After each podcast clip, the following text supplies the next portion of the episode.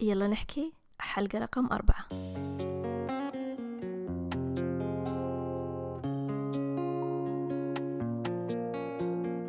أهلا فيكم. معكم تهاني عبد الرحمن وهذه حلقة جديدة من بودكاست يلا نحكي. البودكاست المتخصص في مجال ال business وريادة الأعمال. قبل ما نبدأ الحلقة أنصحكم وبشدة بسماع الحلقات السابقة على كل من SoundCloud و iTunes. راح أبدأ معكم هذه المرة سلسلة متخصصة بإدارة وبناء المنتجات الرقمية كونها هي الأساس لأي مشروع تقني في مجال الأعمال. في هذه الحلقة راح أستعرض معكم الطريقة المناسبة لبناء استراتيجية المنتج وما هي أهم الأخطاء اللي تقع فيها بعض الشركات عند بناء الاستراتيجية الخاصة بمنتجها.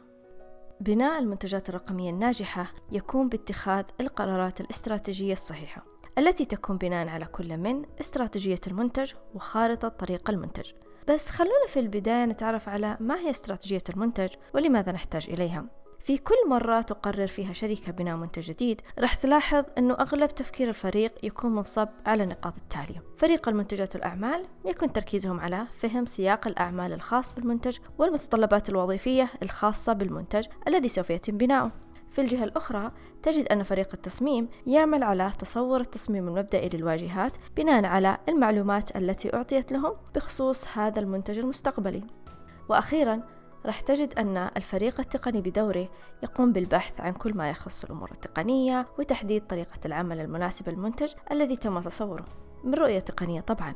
صحيح أن النقاط السابقة مهمة بس دخولنا في هذه التفاصيل الكثيرة قبل ما نحدد أهم شيء وهي استراتيجية المنتج وإيش هي المنتجات اللي راح تتبع هذا المنتج راح يجعل الفريق يضيع قليلا وتكون ناقصة لديه النظرة الأعم والأشمل للمنتج الذي سوف يتم بناؤه. مما قد يسبب في فقد الكثير من الجوانب المهمة لعدم انتباه الفريق لها. لهذا من المهم أن يعمل فريق إدارة المنتجات على بناء استراتيجية المنتج قبل الدخول في أي تفاصيل أخرى. باختصار وببساطة استراتيجية المنتج هي خطة عامة تساهم في تنفيذ الرؤية والهدف بالشكل الصحيح.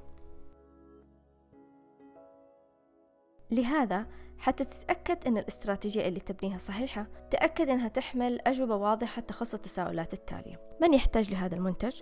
لماذا يحتاجون إلى هذا المنتج وكيف سيستخدمونه؟ ما هو المنتج بالضبط؟ وما الذي يجعله مميزا؟ لماذا يجب على الشركة أن تستثمر وتضخ أموالها في هذا المنتج بالضبط؟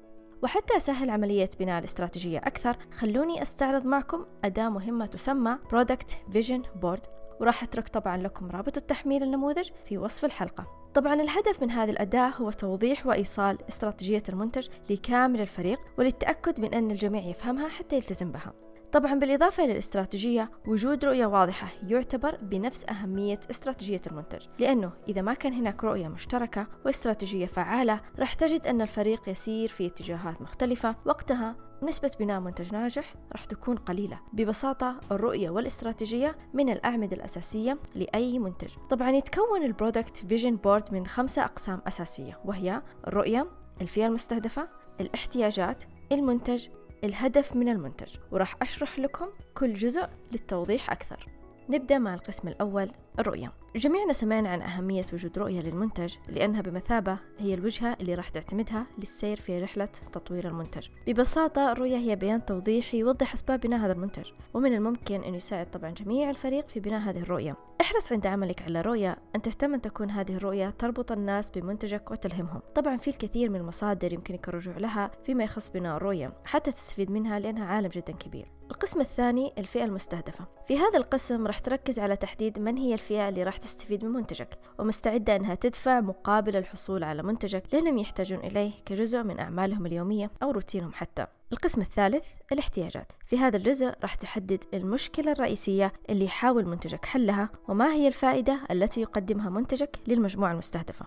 القسم الرابع المنتج. في هذا الجزء راح تركز على تحديد إيش هي أهم ثلاث إلى خمسة مميزات موجودة في منتجك. أما القسم الخامس والأخير هدف المنتج.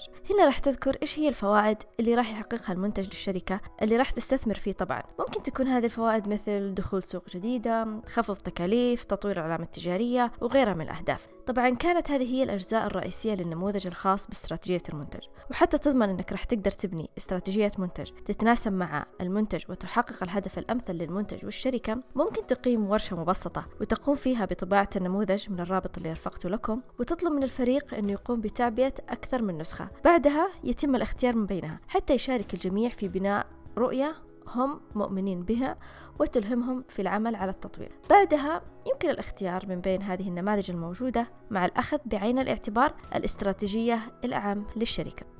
نقطتين مهمة تحتاج تأخذها بعين الاعتبار إذا بدأت تعمل على هذا النموذج. واحد حاول ما تدخل في أي تفاصيل مثل دراسة شخصية المستخدم أو قصة المستخدم أو حتى تصميم أي واجهات. وهذا بسبب أنه حاليا ما عندك أي معلومات كافية عن المستخدمين أو العملاء حتى تدخل في هذه التفاصيل. اثنين أي تفاصيل أخرى مكانها يكون في ال backlog الخاص بالمنتج. طبعا ال backlog هو واحدة من الأدوات المهمة في مجال إدارة المنتجات وهو المكان اللي تجمع فيه جميع التحسينات والأفكار اللي يحتاجها المستخدم.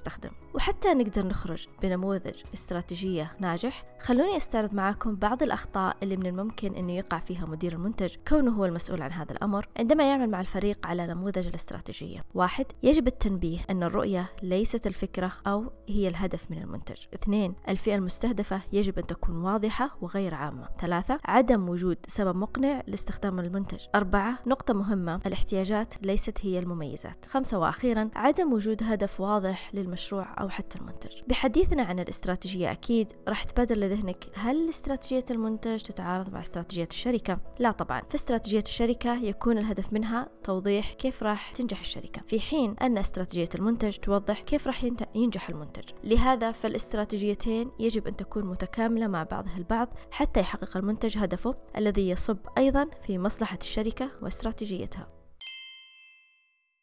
وفي النهاية شكرا لاستماعك للحلقة. وأتمنى أن قدرت أوضح فيها واحدة من الأمور المهمة في عملية بناء المنتجات الرقمية. إذا عجبتك الحلقة لا تنسى تشاركها مع منتجة ومهتمين بمجال المنتجات الرقمية. وأسعد أكيد بسماع رأيكم عنها في التعليقات أو حتى يمكنكم تقييم الحلقة على كل من SoundCloud و iTunes. أتمنى لكم بناء منتجات رقمية ناجحة ومميزة.